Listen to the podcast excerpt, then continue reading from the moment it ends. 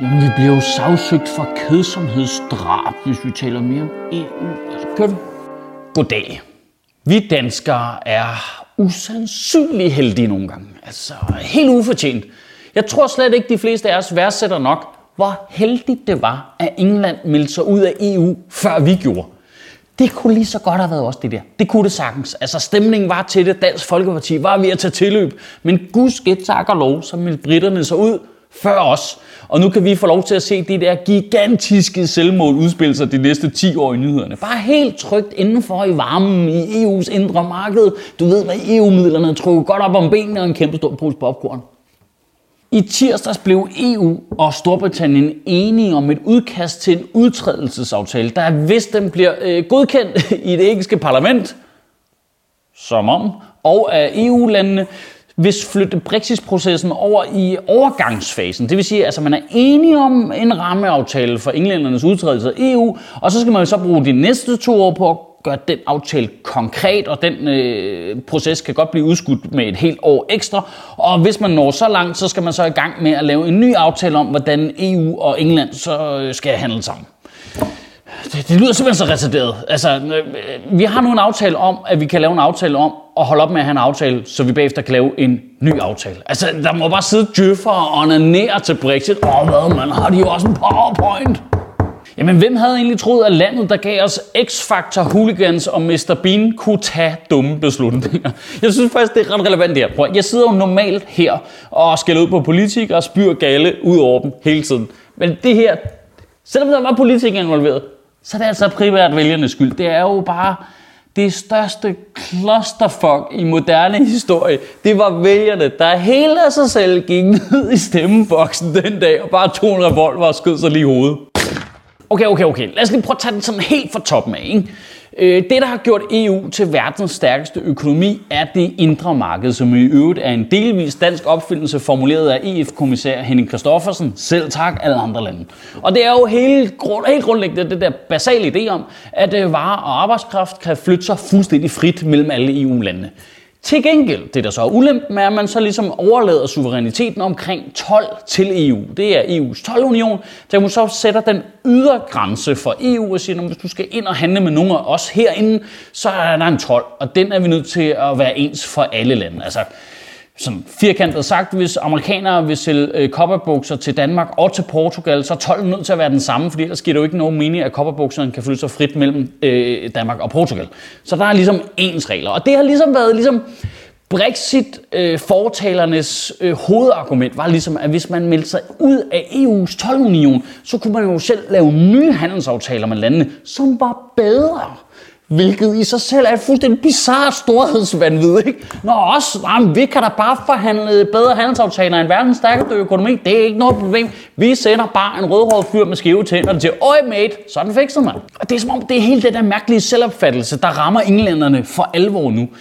Fordi de havde jo på en eller anden mystisk måde fået bildt sig selv ind, at de kunne ligesom træde ud af EU's 12-union med Brexit og sige, det styrer vi fandme selv men stadigvæk få alle fordelene af at være i det indre marked. Altså stadigvæk selv få lov til at, at du ved, sælge varer til Danmark og Tyskland om alle de fordele, det giver, øh, men stadigvæk få lov til at styre sin egen 12 udad til. Øh, øh, jeg ved ikke, hvordan fanden de, de, de var kommet frem til det ind i hovedet.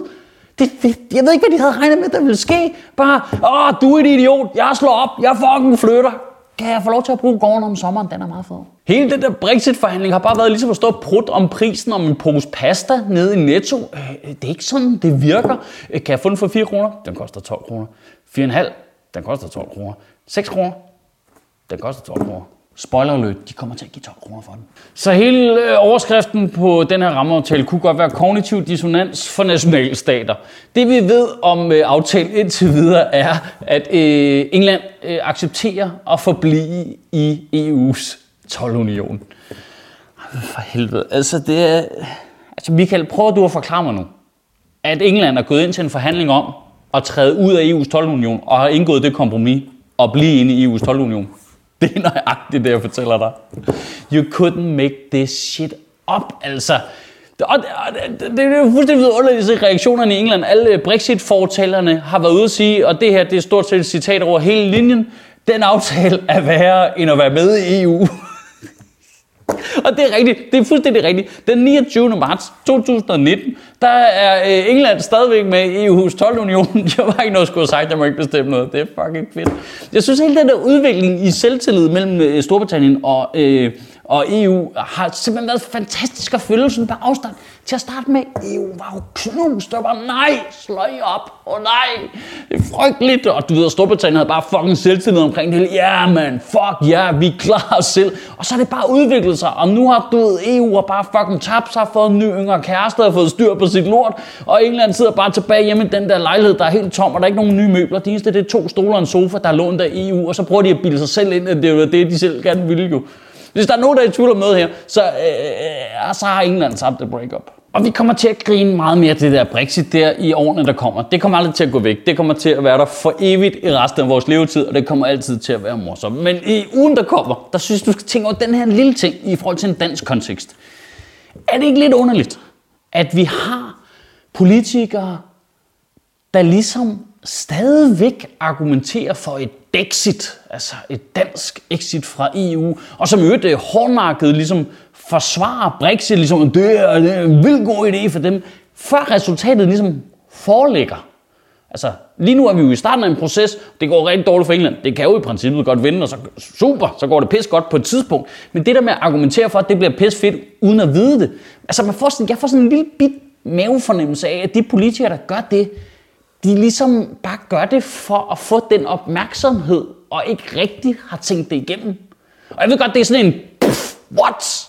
Har Kenneth Christensen bare ikke tænkt det, han siger igennem? Jeg ved det godt, men altså, kunne vi ikke som minimum bare forlange, at de der danskere, der taler for, at Danmark skal ud af EU, kunne ikke bare forlange, at de bare sådan, kan, kan du ikke bare lige forklare, hvad planen er? Bare lige lynhurtigt, bare en lille plan. Altså bare lige nogle realistiske steps. Hvad er det, du ser foregå? Det kunne bare være super fedt lige, lige at få med. Altså fordi lige nu er hele landet England i gang med at lave en eller anden form for improviseret EU-sketch, der bare stikker helt af. Altså uden overdriv og uden vidtigheder. Så gik den britiske premierminister Theresa May ind til forhandlingerne om Englands udtrædelse af EU med en plan, der var cirka lige så velformuleret som den, jeg havde. Og jeg havde ikke nogen. Kan du have en rigtig god uge og bevare min bare røv. Det må man jo give englænderne. De har jo bare altid været garant for god, bizarre, absurd komik. Altså Monty Python og deres landshold og Brexit. Vi, vi griner bare altid af dem. Det er som om John Cleese er med i alt, hvad de laver. Rage Against the Mainstream kan downloades på ratm.dk for 50 kroner eller streames på TV2 Play fra september.